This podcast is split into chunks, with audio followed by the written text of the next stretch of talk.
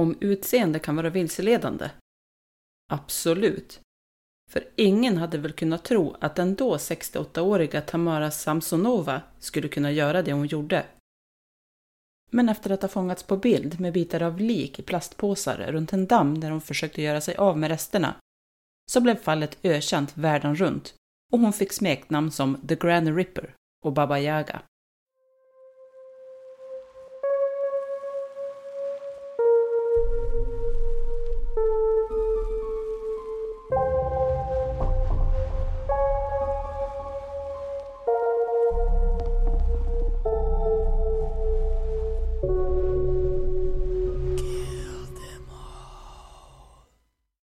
Hej och välkomna till dagens avsnitt av Evil and Vile med mig, Linda Staffrin. Idag ska jag som sagt prata om en kvinna som fick eh, smeknamnet Baba Yaga. Och Baba Yaga är enligt slavisk tradition en fasansfull häxa som bodde i skogen innanför ett staket gjort av människoben i ett hus på hönsfötter så att hon kunde se åt alla håll. Baba Yaga sägs kunna framträda i olika roller.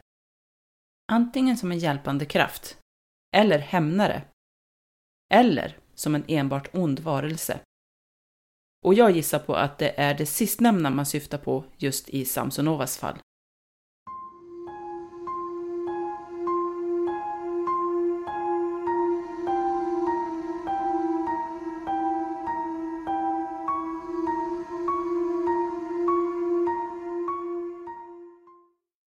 Den 25 april 1947 i staden Usur föddes Tamara Samsonova 68 år senare, den 27 juli 2015, var ett par ute och gick med sin hund.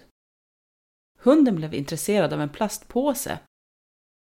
Och när paret undersökte påsen lite närmare så upptäckte de att påsen innehöll en huvudlös och lämlös överkropp. En säkerhetskamera i villaområdet hade lyckats fånga upp när en äldre kvinna gjorde sig av med en stor gryta och när de släpat stora sopsäckar till sidan av byggnaden endast två nätter innan paret med hunden hittade påsen. Den äldre kvinnan identifierades som 68-åriga Tamara Samsonova. Hon och hennes man hade bott i lägenhetskomplexet tillsammans i 40 år. Och grannar och utredare var chockade. Men de skulle komma att upptäcka ännu värre saker.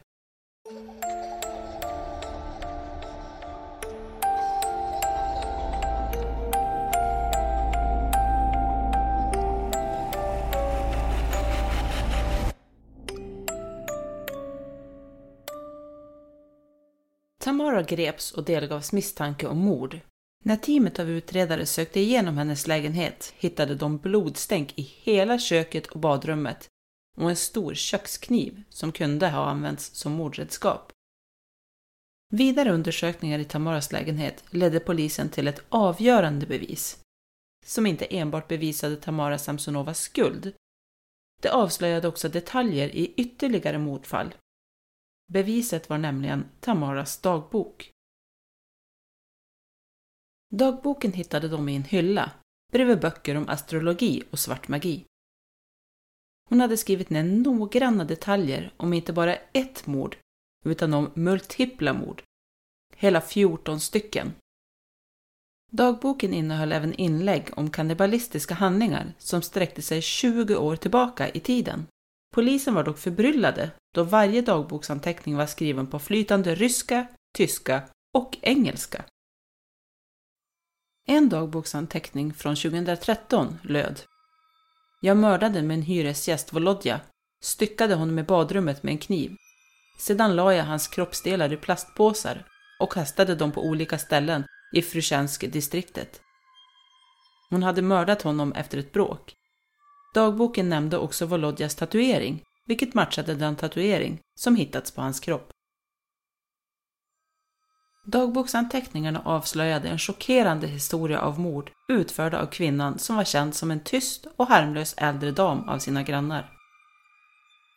De matchade också ett mordfall gällande en 44-årig man, en torso som hittats i distriktet 2003.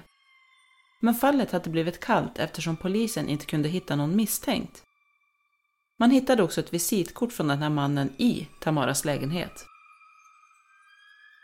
Mellan inläggen om mord så fanns det även dikter, sånger och anteckningar som handlade om helt vanliga saker. Till exempel sov dåligt, drack kaffe, tar mediciner eller jag äter inte.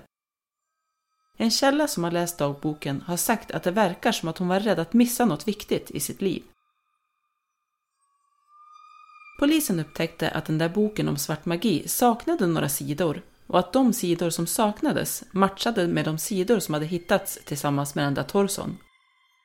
Det verkade som att svartkonst var inblandad i samtliga mord. Vissa dagboksanteckningar tydde också på att hon använde vissa specifika mord för vad hon trodde var mörka magiska ritualer. Och det sägs att det är de här händelserna som har lett till att hon fick smeknamnet Baba Yaga.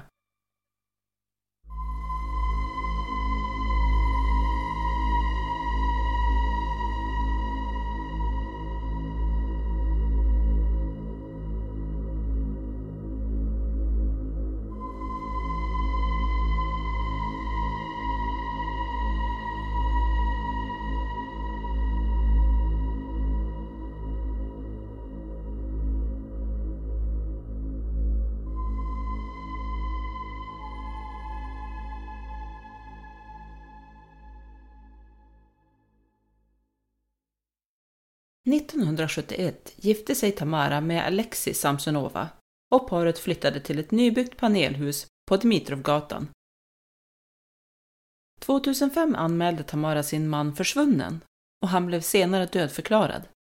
Så han återfanns alltså aldrig. Många tror att Tamara mördade även honom. Det fanns dock inga anteckningar om honom i dagboken. Efter att en mängd bevis hade presenterats för Tamara så erkände hon initialt flertalet mord utan att visa några som helst samvetskval över vad hon gjort. Och när hon satt häktad så erkände hon för en polis att kvarlevorna som hittats tillhörde 79-åriga Valentina Ulanova.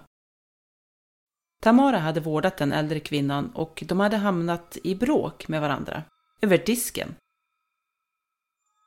och inom bara några minuter så hade Tamara drogat Valentina med sömnmedel.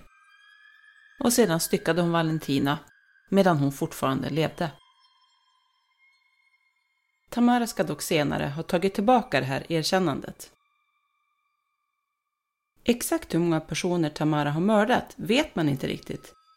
Men polisen misstänker i alla fall att hon som sagt har mördat sin man och sin svärmor samt ett antal inneboende hon haft under åren och bland annat då Valentina.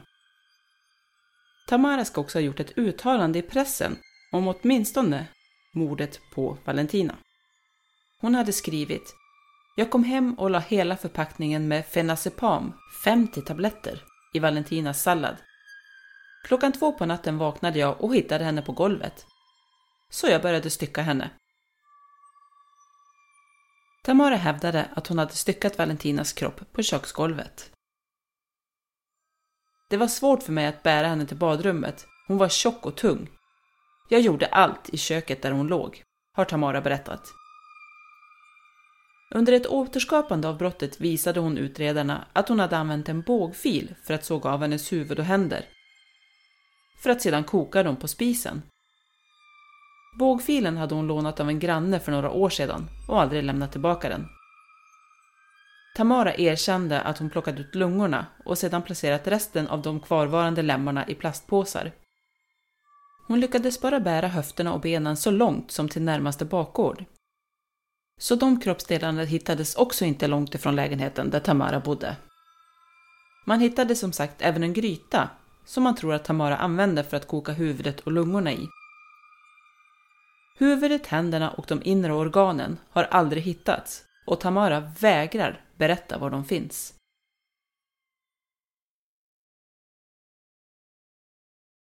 När Tamara häktades verkade hon mer oroad över att journalister var där för att rapportera hennes fall och att alla grannar skulle få reda på vad hon gjort, än vad hon var för sina gärningar. Efter att hon hade blivit häktad så sa hon till journalister Jag visste att ni skulle komma. Det är en sån skam för mig. Hela staden kommer att veta. Tamara ska ha varit så avslappnad och tillfreds under sin rättegång att hon satt och fnittrade och delade ut slängpussar till reportrar som befann sig i rättssalen och till domaren i fallet. Domaren bad henne prata inför domstolen, varpå hon ska ha svarat. Det är täppt här, får jag gå ut? Riktigt vad hon menade med att det är täppt här, det vet jag inte riktigt.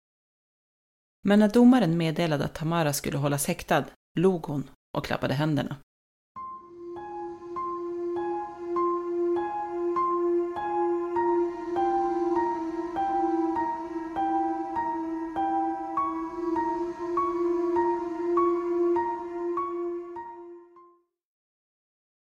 Tamara erkände sig skyldig och det tros att Tamara erkände över 21 mord. Men det exakta antalet offer är fortfarande okänt. Hon ansåg sig också förtjäna det straff hon skulle komma att få. Tamara hävdade att hon trodde att hon skulle få spendera återstoden av sitt liv bakom galler, samt att Valentina Ulanova var hennes sista offer. Hon ska också ha erkänt att hon har väntat i tio år på att polisen skulle komma fram till hennes dörr för att gripa henne. CNN har rapporterat att Tamara har sagt följande. Jag är hemsökt av en galning på övervåningen som tvingade mig att döda. Jag har ingenstans att bo. Jag är en mycket gammal människa och jag lägger hela frågan avsiktligt. Jag har tänkt 77 gånger på det och sedan bestämt att jag måste sitta i fängelse. Jag kommer att dö där och staten kommer troligen att begrava mig. Och om jag får gissa så skulle jag gissa att den där galningen på övervåningen är en referens till hennes hjärna. En källa ska också ha sagt att Tamara antingen är mycket dummare eller mycket smartare än vad hon faktiskt verkar vara. Enligt några av Tamaras grannar så hade hon spenderat flera månader på ett mentalsjukhus. Och när Tamara förhördes så hävdade hon först att hon var en skådespelerska och att hon hade gått på det ansedda Vaganova Academy of Russian Ballet. Men senare ändrade hon sin historia och påstod att hon hade arbetat som biträde på ett rikt ryskt hotell. Tamara tvingades genomgå en psykiatrisk undersökning och resultatet kom den 26 november 2015. Det fastställdes att Tamara var en fara för samhället och sig själv. Och att det blev det resultatet, ja, det är ju föga förvånande, måste jag ju säga. Hon placerades därför på en specialiserad institution tills utredningen var klar. I december 2015 togs hon in på ett specialiserat sjukhus i Kazan för obligatorisk psykiatrisk behandling. Det här fallet blev internationellt ökänt och det som är lite extra märkligt med det hela, det är ju att hon började mörda först efter 50-årsåldern. Och som tidigare nämnt så kokade hon ju huvud och lungor i en gryta på spisen. För hon ska tydligen ha haft en förkärlek för dessa kroppsdelar. På frågan om hon var kannibal eller inte ska polisen ha svarat att det är inte uteslutet. Men det kan också vara så att hon kokat huvudet och händerna på sina offer för att dölja deras identitet. Hon ska också ha varit mycket intresserad av mördaren Andrei Chikatilo och samlat information om honom och hur han begick sina mord. Chikatilo lyckades undanhålla sig från polisen i flera år på grund av en polis som antog att det perfekta sovjetiska samhället faktiskt inte kunde innehålla så galna människor. Men mer om honom kanske jag kan ta upp i ett senare avsnitt. Ni får gärna skriva till mig och berätta om ni tycker att jag ska prata om honom i ett avsnitt eller inte. Och enklast kontaktar ni mig på mina sociala medier där jag heter Evelyn Eller då via mail på evilandvilepodcastgmail.com. Men den här fascinationen som Tamara kände över Chikatilo ska i alla fall ha lett till en önskan om att bli lika stor som honom. Och Tamara ska även ha berättat för sina vänner att hon en dag kommer att bli berömd. Hon berättade dock aldrig hur och för vad.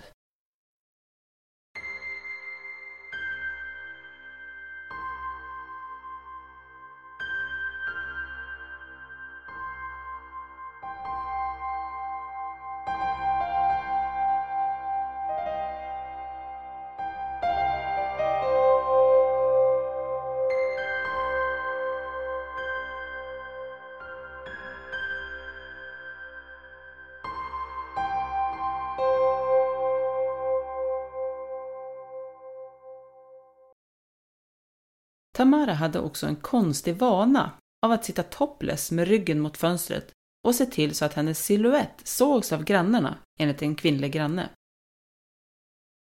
Mannen till den här grannen ska tydligen ha tyckt att Tamaras nakna kropp var ganska attraktiv. Grannarna säger att Tamara var ganska konstig, men att de ändå är chockade över att hon erkänt att hon är en mördare. Vanligtvis var hon hemma på dagarna och gav sig bara ut på natten.